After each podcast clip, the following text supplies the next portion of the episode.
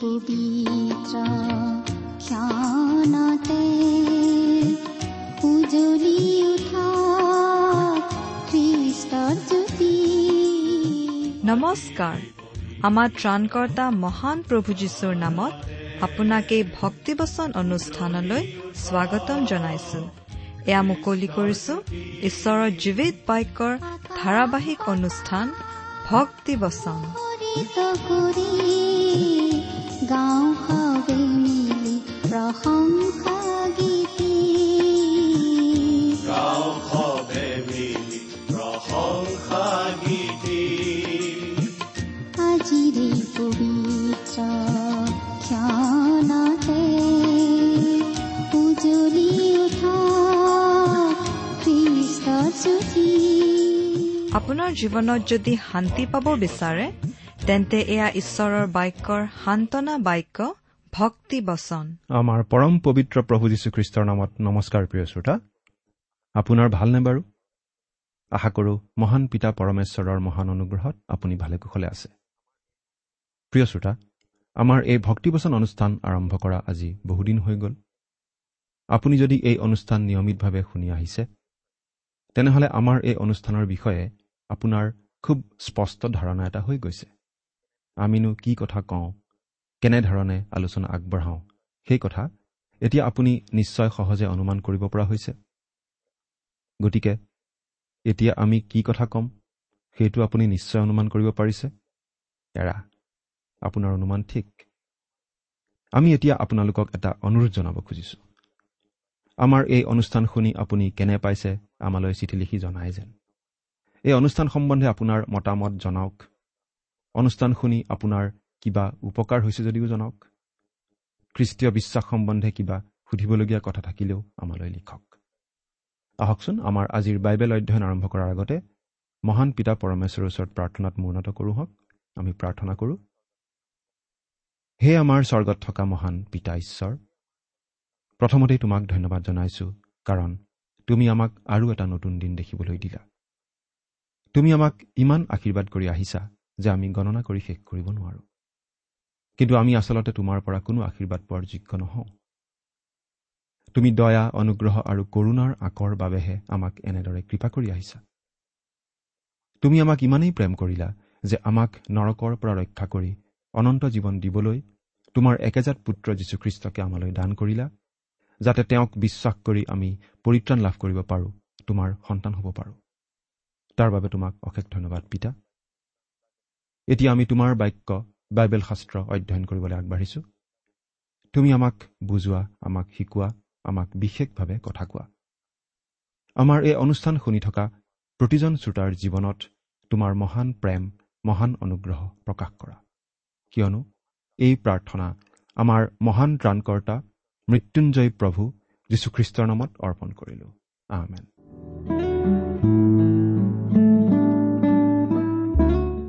প্ৰিয় শ্ৰোতা আপুনি বাৰু আমাৰ এই ভক্তিবচন অনুষ্ঠান নিয়মিতভাৱে শুনি আছেনে? যদি শুনি আছে তেনেহ'লে আপুনি এটা কথা নিশ্চয় জানে যে আমি আজি কিছুদিন ধৰি বাইবেলৰ নতুন নিয়ম খণ্ডৰ পিতৰৰ প্ৰথম পত্ৰ বা চমুকৈ প্ৰথম পিতৰ নামৰ পুস্তকখন অধ্যয়ন কৰি আছোঁ নহয়নে বাৰু? আপুনি যদি আমাৰ যোৱা অনুষ্ঠানটো শুনিছিল তেনেহ'লে আপোনাৰ নিশ্চয় মনত আছে যে আমি যোৱা অনুষ্ঠানত এই প্ৰথম পিতৰ পুস্তকখনৰ তিনি নম্বৰ অধ্যায়ৰ অধ্যয়নৰ সামৰণি মাৰিছিলোঁ। তিনি নম্বৰ অধ্যায়ৰ শেষৰটো পদলৈকে আমি আমাৰ আলোচনা আগবঢ়াইছিলোঁ। গতিকে আজিৰ অধ্যয়ন আমি আৰম্ভ কৰিম। প্ৰথম পিতৰ পুস্তকৰ চাৰি নম্বৰ অধ্যায়ৰ পৰা। আপুনি বাৰু আপোনাৰ বাইবেল মেলি লৈছেনে? এই অনুষ্ঠান যিহেতু বাইবেল অধ্যয়নৰ অনুষ্ঠান গতিকে অনুষ্ঠান শুনিবৰ সময়ত বাইবেলখন লৈ লোৱাটো খুব প্ৰয়োজনীয়। লগত কাগজ কলম লৈ ল'লেতো আৰু ভাল হয়। কিবা কথা আপোনাৰ লিখি থ'বলৈ মন যাব পাৰে? মনত কিবা প্ৰশ্ন আহিলে লিখি থ'ব পাৰিব? আমালৈ লিখি পঠিয়াব পাৰিব? আপোনাৰ লগত যদি বাইবেল নাই সোনকালে এখন সংগ্ৰহ কৰি লয় যেন। ক'তো বিচাৰি নাপালে আমালৈ চিঠি লিখি জনাবচোন। আমি সম্পূৰ্ণ বাইবেলখন নহ'লেও অন্ততঃ নতুন নিয়ম এখনকে পঠিয়াই দিবলৈ চেষ্টা কৰিম। অৱশ্যে আমালৈ লিখাৰ সময়ত আপোনাৰ সম্পূৰ্ণ নাম আৰু ঠিকনা স্পষ্টকৈ লিখিবলৈ যেন নাপাহৰে। বাৰু যি কি নহওক এতিয়া আমি মূল কথালৈ আহিছোঁ। প্ৰথম পিতৰ পুস্তকৰ চতুৰ্থ অধ্যায়। এই চতুৰ্থ অধ্যায়ত আমি যিখিনি কথা পঢ়িবলৈ পাম তাৰ মূল বক্তব্যখিনি হ'ল এই যে দুখ ভোগে খ্ৰীষ্টীয় বিশ্বাসীৰ জীৱনত ঈশ্বৰৰ ইচ্ছাৰ প্ৰতি বাধ্যতাৰ সৃষ্টি কৰে। দুখ ভোগে খ্ৰীষ্টীয় বিশ্বাসীৰ জীৱনত ঈশ্বৰৰ ইচ্ছাৰ প্ৰতি বাধ্যতাৰ সৃষ্টি কৰে। আমাক পাচনি পিতৰে এটা কথা জনাই দিছে যে যদি আমি এটা সহজ আৰু বিপদবিহীন জীৱন কটাই থাকোঁ তেতিয়া আমাৰ মনত এনেকুৱা এটা ভুল ধাৰণাৰ সৃষ্টি হৈ যাব পাৰে যেন জীৱনৰ সকলোবোৰ আশীৰ্বাদ আমাৰ প্ৰাপ্য। আমি যেন যোগ্যভাৱেই সকলো আশীৰ্বাদ লাভ কৰি আছো। আমাৰ মনৰ অৱস্থা এনেকুৱা হৈ পৰিব পাৰে যে আমি জীৱনটোক যিমান গুৰুত্ব সহকাৰে ল'ব লাগে সিমান গুৰুত্ব দিবলৈ পাহৰি যাওঁ। জীৱনটো টুলুঙাভাৱে ল'বলৈ ধৰোঁ। প্ৰিয় শ্ৰোতা খ্ৰীষ্টীয় বিশ্বাসী হিচাপে আপুনি বাৰু জীৱনটো কেনেদৰে লয়? ঈশ্বৰে তেওঁৰ সন্তান আমাক খ্ৰীষ্টীয় বিশ্বাসীসকলক দুখ ভোগ কৰিব লগা পৰিস্থিতিত পৰিবলৈ দিয়ে যাতে আমি পাপৰ পৰা আঁতৰি থাকোঁ আৰু আমি জীৱনক উচিত মূল্য দিবলৈ শিকোঁ। বহুতো ডেকা মানুহ আমি লগ পাওঁ বা দেখি থাকোঁ। যিসকলে জীৱনক এটা নতুন দিশ দিবলৈ চেষ্টা কৰি ইটো সিটো কৰি নানান পৰীক্ষা চলায়। প্ৰিয় শ্ৰোতা দুখ কষ্ট ভোগ কৰিলে আপোনাৰ জীৱনৰ এটা নতুন দিশ আহিব। এই কথা নিশ্চিত। এই কথা ডায়ুদেও বুজি পাইছিল আৰু গীতমালা ছয়ষষ্ঠি নম্বৰ দহ পদত এনেদৰে লিখিছিল। কিয়নো হে ঈশ্বৰ তুমি আমাক পৰীক্ষা কৰিলা। ৰূপ খপাৰ দৰে আমাক খপিলা। ঈশ্বৰে আমাক পৰীক্ষাত পৰিবলৈ দিয়ে যাতে আমাক তেওঁ ওচৰ চপাই ল'ব পাৰে আৰু আমাৰ জীৱনত নতুন দিশ আৰু নতুন উদ্যম দিব পাৰে। দুখ ভোগৰ উদ্দেশ্য এয়েই এতিয়া বাইবেলৰ পৰা পাঠ কৰি দিব খুজিছোঁ। প্ৰথম পিতৰ চাৰি নম্বৰ অধ্যায় প্ৰথম আৰু দ্বিতীয় পদ পাঠ কৰি দিছোঁ। ইয়াত এনেদৰে লিখা আছে ইয়াতে খ্ৰীষ্টে মাংসত দুখ ভোগ কৰাৰ কাৰণে তোমালোকে যেন মানুহৰ অভিলাষৰ দৰে আৰু কাল নিনিয়াই ঈশ্বৰৰ ইচ্ছাৰ দৰে শৰীৰত কৰা বাসৰ অৱশিষ্ট কাল নিওৱা এইকাৰণে নিজকো সেই একে ভাৱেৰে সুসজ্জিত কৰা। কিয়নো যিজনে মাংসত দুখ ভোগ কৰিলে তেওঁ পাপৰ পৰা ক্ষান্ত হ'ল। এই পদ দুটাই আমাক বিশেষ কিছুমান কথা শিকায়। আমাৰ মনত বিশেষভাৱে ৰেখাপাত কৰে। আমি বহু সময়ত কথাখিনি ওপৰে ওপৰে পঢ়ি থওঁ আৰু ইয়াৰ গভীৰ অৰ্থ বিচাৰি নাচাওঁ। কিন্তু ইয়াৰ মাজেৰে অতি গভীৰ কথা আমি শিকিব পাৰোঁ। আনকি বহুতো ব্যাখ্যাকাৰেও এই পদ দুটা ওপৰে ওপৰে ব্যাখ্যা কৰাহে আমি দেখিবলৈ পাওঁ। কিন্তু আমি ঈশ্বৰৰ আত্মাৰ সহায়ত এই পদ দুটাৰ মাজেদি বহুতো কথা শিকিব পাৰোঁ আৰু আমাৰ ব্যক্তিগত জীৱনৰ বাবে প্ৰয়োজনীয় শিক্ষা আহৰণ কৰিব পাৰোঁ। এতেকে এই এতেকে শব্দটোৰে এই পদটো আৰম্ভ হৈছে। গতিকে আমি সহজেই বুজি পাওঁ যে আগতে কৈ অহা কথাৰ লগত সংগতি ৰাখি এই কথাখিনি আমাক কোৱা হৈছে।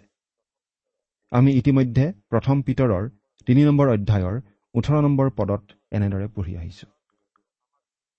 কাৰণ আমাক ঈশ্বৰৰ ওচৰলৈ নিবলৈ অধাৰ্মিকবিলাকৰ কাৰণে ধাৰ্মিক জনাই অৰ্থাৎ খ্ৰীষ্টে পাপবোৰৰ কাৰণে কেৱল এবাৰ দুখ ভোগ কৰিলে। তেওঁ মাংসত হত হ'ল কিন্তু আত্মাত হলে পুনৰ জীৱিত হ'ল। এই ওঠৰ নম্বৰ পদটো আৰু চাৰি নম্বৰ অধ্যায়ৰ এই প্ৰথম পদ দুটা একেলগে যায়। দুয়োটা কথাৰ সামঞ্জস্য আছে। তিনি নম্বৰ অধ্যায়ৰ ওঠৰ পদ আৰু এই চাৰি নম্বৰ অধ্যায়ৰ প্ৰথম পদ দুটা পঢ়ি আমি এটা কথা অতি স্পষ্টভাৱে বুজি পাওঁ যে খ্ৰীষ্টই তেওঁৰ মানৱ শৰীৰত দুখ যন্ত্ৰণা ভোগ কৰিলে আৰু মানসিকভাৱে শাৰীৰিকভাৱে খ্ৰীষ্টই মৃত্যুবৰণো কৰিলে। এতিয়া এটা কথা আমি অলপ মন দি শুনা উচিত। কিছু বছৰ আগতে এখন কিতাপ প্ৰকাশ পাইছিল। কিতাপখনৰ নাম হুৱেন গড ডাইড অৰ্থাৎ যেতিয়া ঈশ্বৰৰ মৃত্যু হ'ল। বহুতো লোকে ভাবে ঈশ্বৰৰ মৃত্যু হ'ল। ঈশ্বৰ আৰু নাই। এই কথা বিশেষকৈ পশ্চিমীয়া দেশৰ বহুতো মানুহে ক'ব খোজে। কিন্তু প্ৰিয় শ্ৰোতা ঈশ্বৰ কেতিয়াও মৰা নাই। তেওঁ কেতিয়াও নৰিয়াত পৰা নাই। খ্ৰীষ্টই মানৱ শৰীৰত শাৰীৰিকভাৱে মৃত্যুবৰণ কৰিছিল যি মানৱ শৰীৰ তেওঁ বৈতলেহেমত ধাৰণ কৰিছিল। ইব্ৰী পুস্তকত আমি খ্ৰীষ্টৰ বিষয়ে এনেদৰে পঢ়িবলৈ পাওঁ যে তেওঁ আমাৰ নিচিনাকৈয়ে সকলো বিষয়ত পৰীক্ষিত হৈছিল। দুখ যন্ত্ৰণা ভোগ কৰাটো কেনেকুৱা অভিজ্ঞতা সেইটো তেওঁ জানিছিল। ৰক্তক্ষৰণ কি বস্তু তেওঁ জানিছিল। চকুলো টুকিব লগা হোৱা অভিজ্ঞতা কেনে তেওঁ জানিছিল। হৃদয় ভগ্ন হোৱাৰ অভিজ্ঞতাও তেওঁ পাইছিল। তেওঁ পূৰা মাত্ৰাই মানৱ হৈছিল। সেই মানৱ শৰীৰতে তেওঁ মৃত্যুবৰণ কৰিছিল। মানুহৰ পাপৰ সৈতে তেওঁৰ যি সম্বন্ধ আছিল সেই সম্বন্ধৰ তেওঁ উৰ পেলাইছিল। যেতিয়া তেওঁ নিজৰ শৰীৰত আমাৰ পাপৰ ভাৰ লৈ আমাৰ পাপৰ শাস্তি নিজে বহন কৰি পাপৰ বেচ দিছিল। প্ৰথম পিতৰ দুই অধ্যায় চৌব্বিছ পদত আমাক এনেদৰে কোৱা হৈছে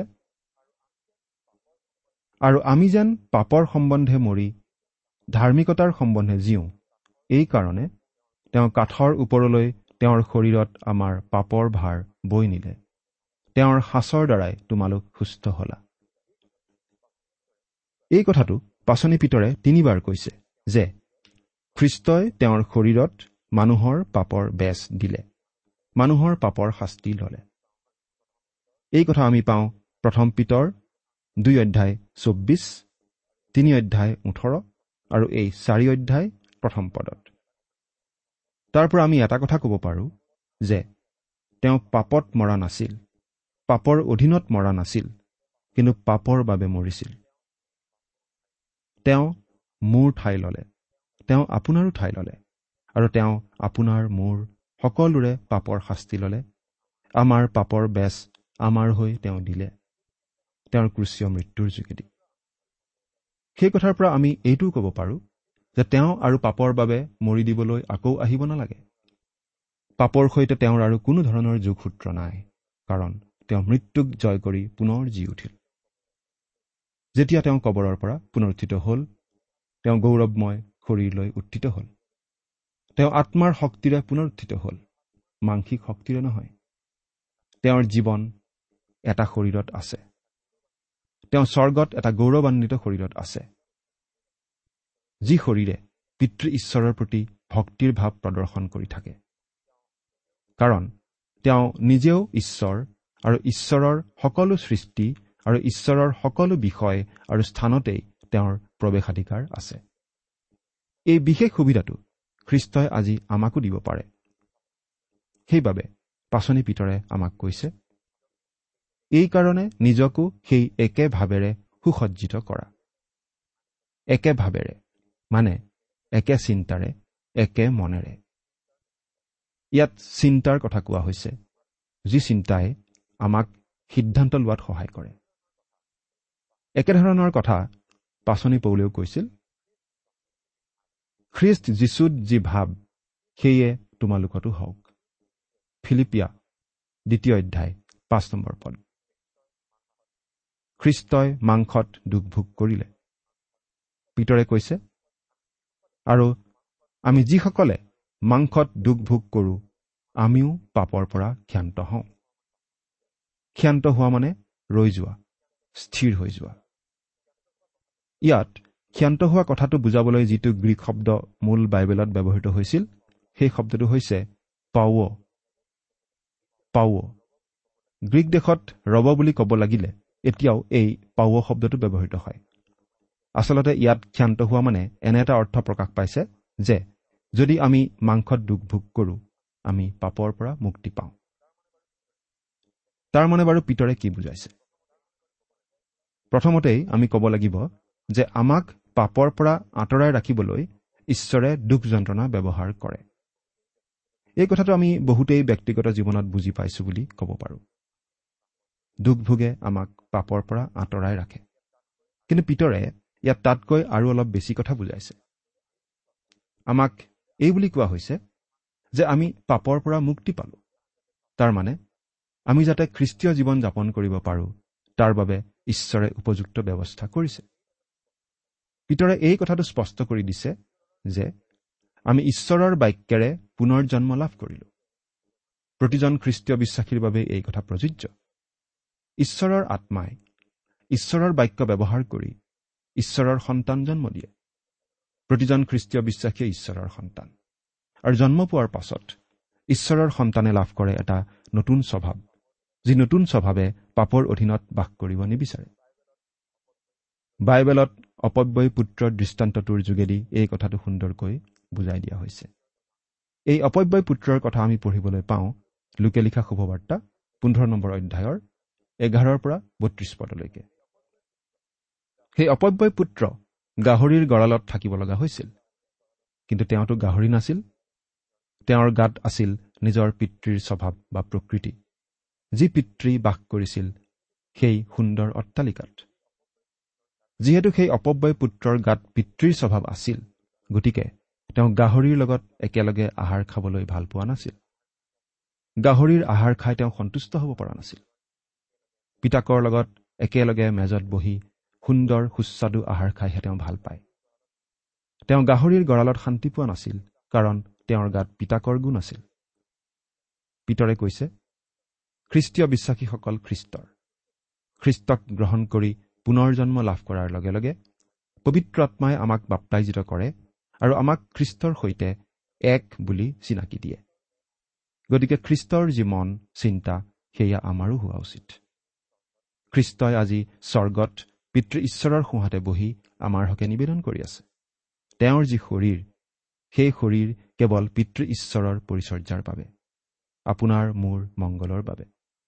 গতিকে প্ৰিয় শ্ৰোতা যদিহে আপুনি খ্ৰীষ্টক ত্ৰাণকৰ্তা বুলি গ্ৰহণ কৰি নতুন জন্ম লাভ কৰিছে যদিহে আপুনি এতিয়া ঈশ্বৰৰ প্ৰকৃতি নতুন প্ৰকৃতি লাভ কৰিছে তেন্তে আপুনি জানো পাপময় জীৱন যাপন কৰি ভাল পাব? নিশ্চয় নাপায়। প্ৰতিজন খ্ৰীষ্টীয় বিশ্বাসীয়ে নিজৰ নিজৰ জীৱন পবিত্ৰভাৱে কটাবলৈ পালেই ভাল পাব। তাত সন্দেহ নাই। প্ৰিয় শ্ৰোতা আপুনি যদি ঈশ্বৰৰ সন্তান তেন্তে আপুনি ছয়তানৰ মন্দ কাৰ্যবোৰৰ মাজত থাকি নিশ্চয় ভাল নাপাব। যদিহে ভাল পায় তেন্তে কোনেও বিশ্বাস নকৰিব আপুনি ঈশ্বৰৰ সন্তান বুলি। গাহৰিৰ গঁড়ালত গাহৰি থাকে গাহৰিয়ে তাতেই থাকি ভাল পায়। কিন্তু মানুহৰ সন্তান গাহৰিৰ গঁড়ালত থাকিব নোৱাৰে ভাল পাব নোৱাৰে। পিতৰে আমাক জনাই দিছে যে খ্ৰীষ্টীয় জীৱন যাপন কৰিবলৈ আমাক ঈশ্বৰে সকলোখিনি সুবিধা কৰি দিছে। আমি খ্ৰীষ্টত বিশ্বাস কৰি নতুন জন্ম পালো আমাক পবিত্ৰ আত্মাই নিবাস কৰিছে। আমি পবিত্ৰ আত্মাৰে বাপ্তাইজিত হলো। আমাক খ্ৰীষ্টত এক বুলি গণ্য কৰা হ'ল। আৰু এতিয়া আমি পবিত্ৰ আত্মাৰ শক্তিৰে জীৱন যাপন কৰিব পাৰোঁ। ৰুমিয়া সাত নম্বৰ অধ্যায়ত পাচনি পৌলে আমাক দেখুৱাই দিছে যে মাংসৰ সহায়ত জীৱন কটাবলৈ গ'লে খ্ৰীষ্টীয় বিশ্বাসীজন পৰাস্ত হয়। কিন্তু ৰুমিয়া আঠ নম্বৰ অধ্যায়ত তেওঁ কৈছে যে ঈশ্বৰে আমাক পবিত্ৰ আত্মা দিছে আৰু পবিত্ৰ আত্মাৰ শক্তিত আমি খ্ৰীষ্টীয় জীৱন যাপন কৰিব পাৰোঁ। আমি যাতে আৰু পাপৰ বশত থাকি জীৱন কটাব লগা নহয় তাৰ উপযুক্ত ব্যৱস্থা ঈশ্বৰে কৰি দিছে। পাপৰ অধীনত আমি জীৱন যাপন কৰিব নোৱাৰোঁ কৰাটো আমাৰ বাবে অসম্ভৱ। সন্তানজন গাহৰিৰ গঁড়াললৈ হয়তো ভুল ক্ৰমে যাব পাৰে। কিন্তু আমি তেওঁক সদায় গাহৰিৰ গঁড়ালত ৰাখিব নোৱাৰোঁ। এদিন নহয় এদিন তেওঁ কবই মই আৰু ইয়াত নাথাকোঁ।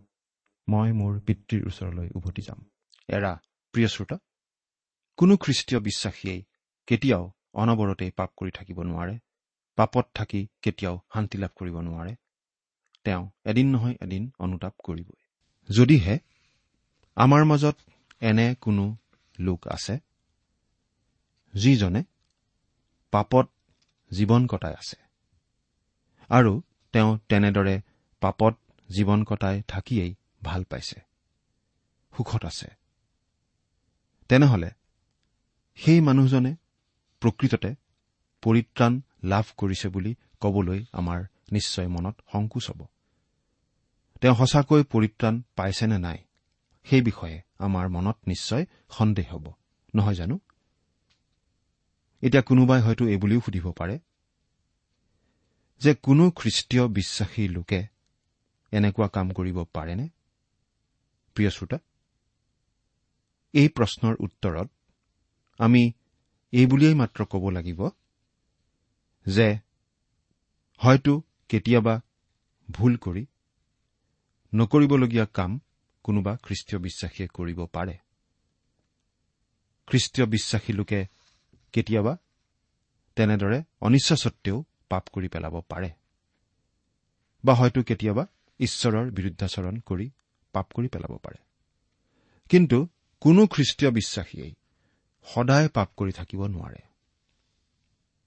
সেইটো সম্ভৱ নহয়। কিন্তু যদিহে সদায় পাপতেই থাকে তেন্তে নিশ্চয় তেওঁৰ জীৱনত কিবা এটা ডাঙৰ কেৰুণ আছে। তেওঁ সঁচাকৈ পৰিত্ৰাণ পোৱা লোক হয় বুলি কবলৈ আমাৰ মনত সন্দেহ হ'ব। তেওঁ সঁচাকৈ প্ৰভু যীশুক নিজৰ ত্ৰাণকৰ্তা বুলি গ্ৰহণ কৰিছে বুলি কবলৈ আমাৰ মনত সন্দেহ হ'ব। অৱশ্যে তেওঁৰ অন্তৰৰ ভিতৰত কি আছে? সঁচাকৈ তেওঁ প্ৰভু যীশুক গ্ৰহণ কৰিছে নে কৰা নাই সেইটো ঈশ্বৰেহে জানে।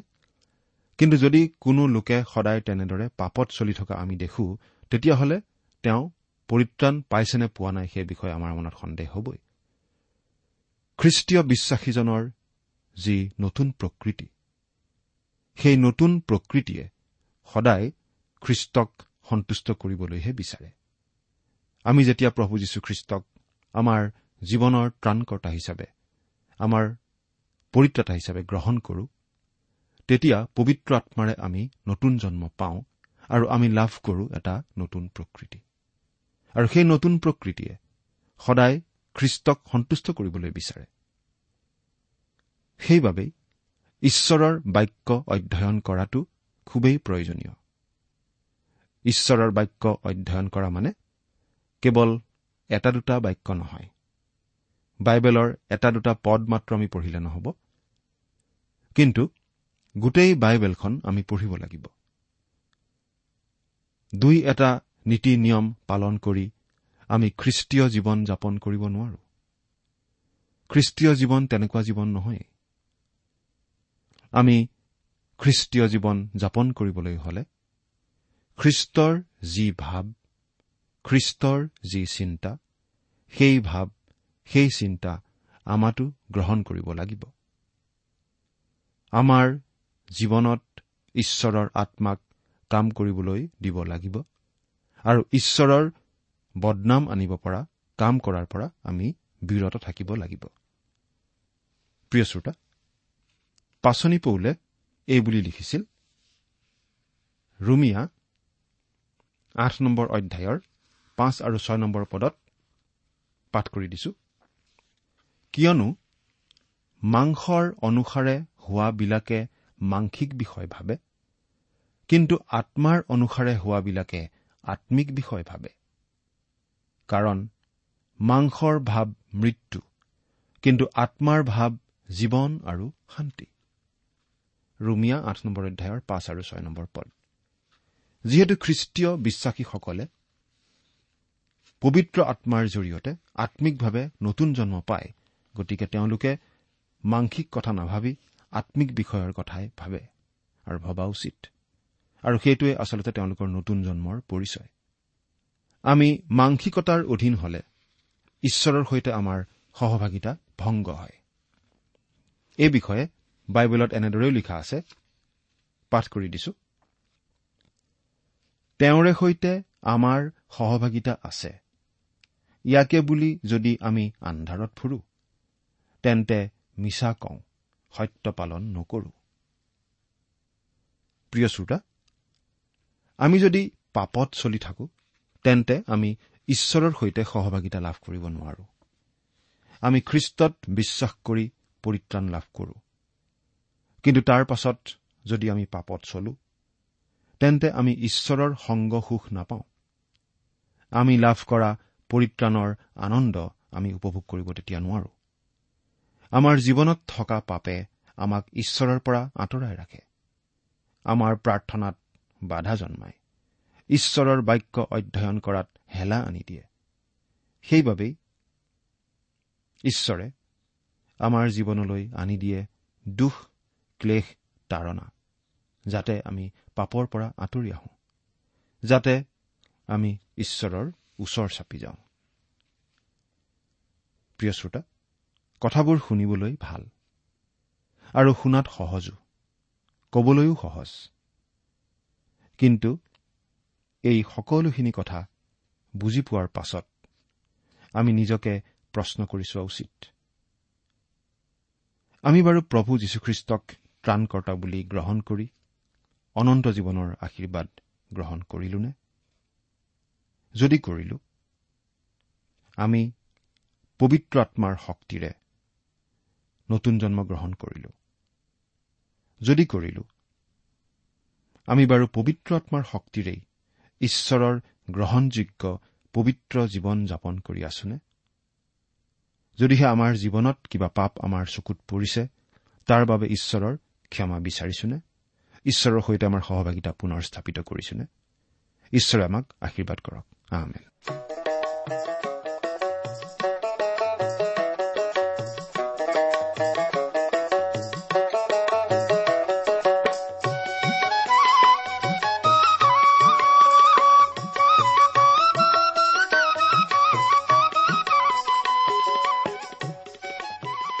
ইমান পৰে আপুনি ভক্তিবচন অনুষ্ঠানটি শুনিলে।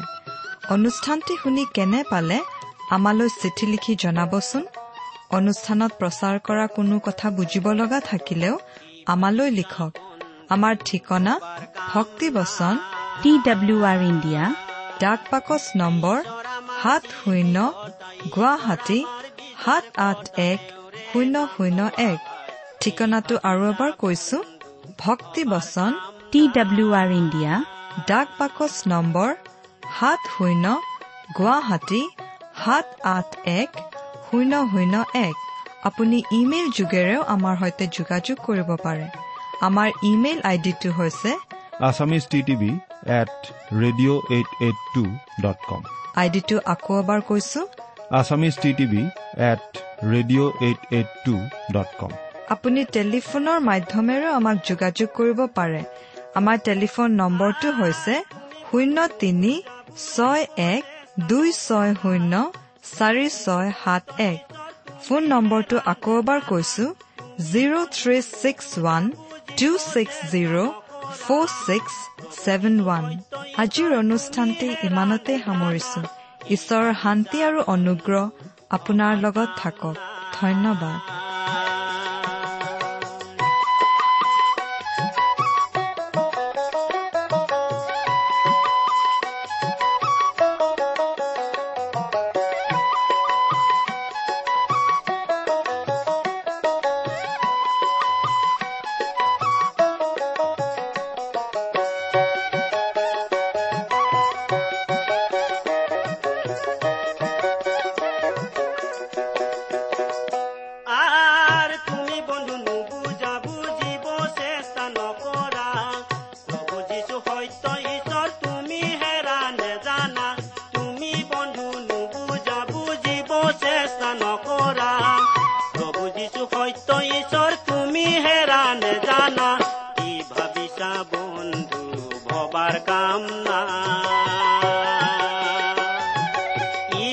ঈশ্বৰ আমাৰ সৃষ্টিকৰ্তা ঈশ্বৰ আমাৰ বিচাৰ কৰ্তা তেওঁৰে নাম লোৱা ভাই কি ভাবিছা বন্ধু ভবাৰ কাম